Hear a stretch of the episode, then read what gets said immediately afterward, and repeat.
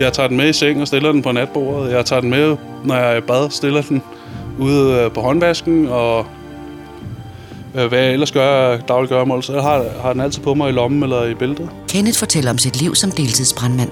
Øh, og så får man en øh, meget høj tone. Øh, sådan lidt øh, som ringtone på mobiltelefon. Bare sådan nogle meget kan man sige, skænger toner. Så får man en tekstbesked.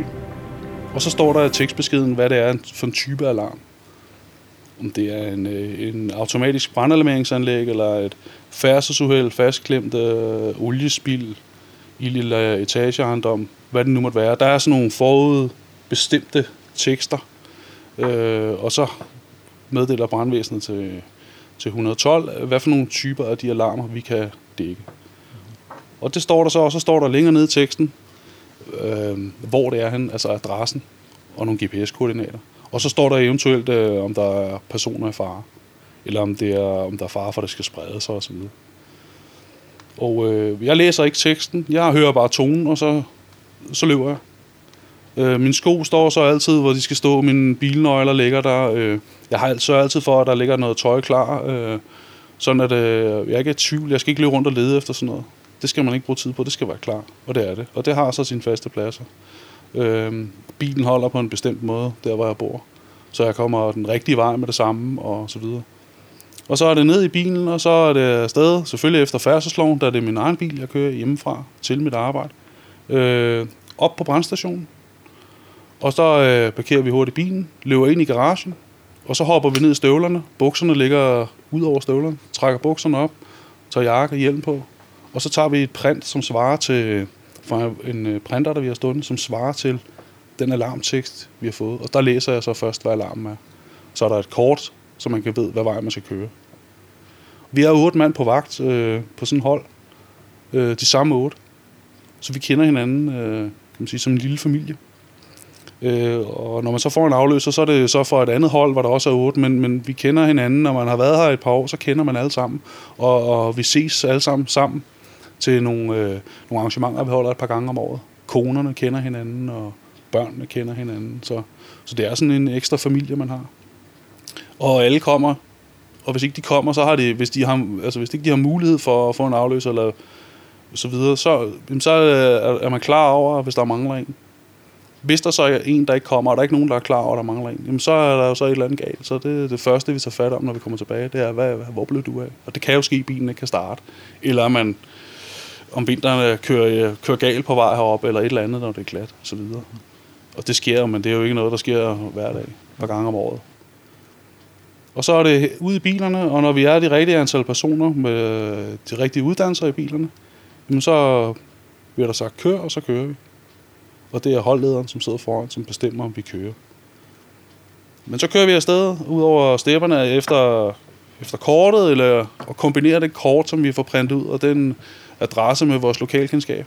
Øh, og så når vi lander på stedet, så bliver der taget bestik af situationen.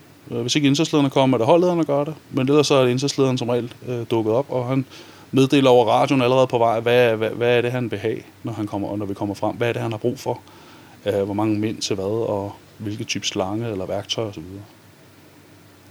Øh, og det foregår meget hurtigt og foregår meget intenst alt det her, indtil vi lander på skadestedet.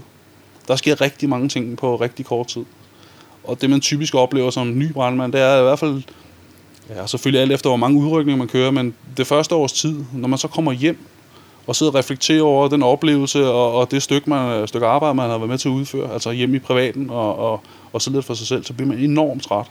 Og det er simpelthen en kombination af alle de her inputs sammen, øh, sammenhold med adrenalin, som, som dræner kroppen for energi. Så, så det vil man meget typisk opleve i starten. Man falder fuldstændig sammen, og så, øh, så sover man. Det gjorde jeg selv i starten i hvert fald. Men man sover ikke tungere, end at man, øh, man kan høre den der alarm ligegyldigt, hvor, hvor tung man sover. Så flyver man op som trold af en æske, og så er man stadig igen. Og det kræver faktisk lidt forståelse for familien, specielt i starten. Hvorfor man er så træt, når man kommer hjem. Jamen, det var bare en knaller, der brændte. Det kan da godt være, det var, men, men, man, man får utrolig mange inputs, som man, og ting, som man ikke kan forudse, træder, optræder pludselig foran en, og så, så skal kroppen bare det på en eller anden måde, når man er, når man er færdig. Og det, det lærer man så, og kan man sige, skille mellem. Og efterhånden, jo flere udrykninger man kører, jo bedre bliver man til at, at suge de ting til sig, man skal suge til sig, og de andre ting, jamen det er jo som det plejer at være.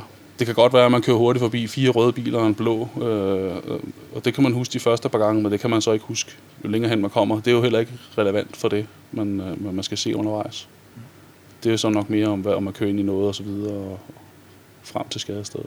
Der er flere grunde til at kende dig deltidsbrandmand, og han bliver ved med at være det. Ja, hvis man skal se på, hvorfor jeg er brandmand, og hvorfor jeg har været brandmand så længe, og hvorfor jeg bliver ved med at være der, tror jeg selv til, at øh, den dag, at de siger til mig, nu skal du på pension, så, så er det der er ikke kun én ting, der gør det. Det er en kombination af, at, at ældrelinshuset, det er rart at få. Men det kunne jeg også få, øh, og det får jeg også, når jeg, når jeg ikke har vagt og prøver at motionere og få tid til det, og så kører mountainbike i skoven. Der kommer man også ud i nogle situationer nogle gange, hvor man bagefter tænker, huha, øh, og, og det er i princippet det samme. Øh, så det kunne jeg få andre steder, men, men det får jeg med som en gode, kan man sige, eller min krop får det med som en gode for for at udføre det her stykke arbejde.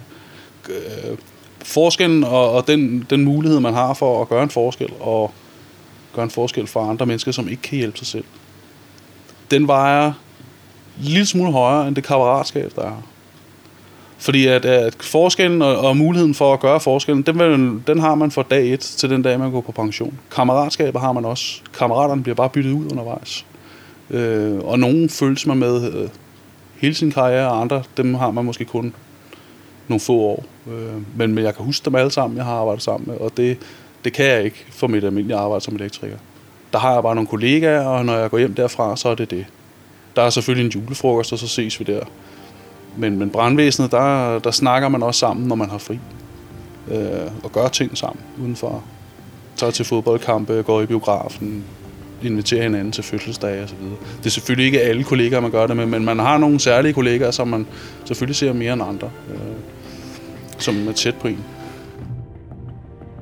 Altså hvis man går og, og har en drøm øh, om, at man skal være brandmand, så synes jeg, man skal gøre det. Var det også noget for dig at blive deltidsbrandmand? Så se mere på blivbrandmand nu.dk.